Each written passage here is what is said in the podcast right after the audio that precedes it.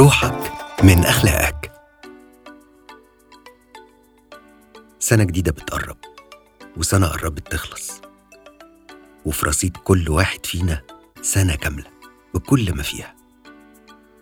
أكيد في حاجات كتير قوي في حياتنا اتغيرت.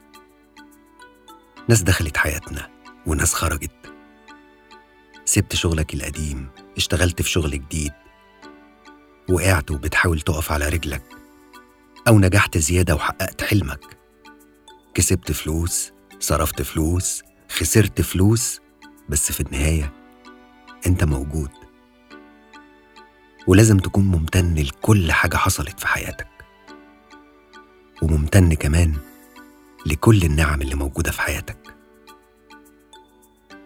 عايزين وإحنا بنستقبل سنة جديدة.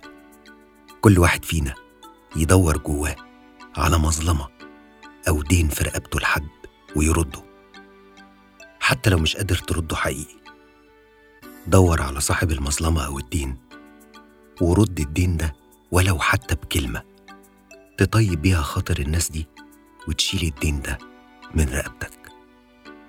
هتقولي مش وقته ولما أقدر والظروف والخساير والسنة مهما كان حجم خسارتك في السنة اللي عدت. مكسبك الحقيقي. هو إنك تبرأ ذمتك وما تكونش ظالم ولو حتى بكلمة. خلونا نستقبل السنة الجديدة بحب وفرحة وسعادة لكل واحد فينا. روحك من أخلاقك.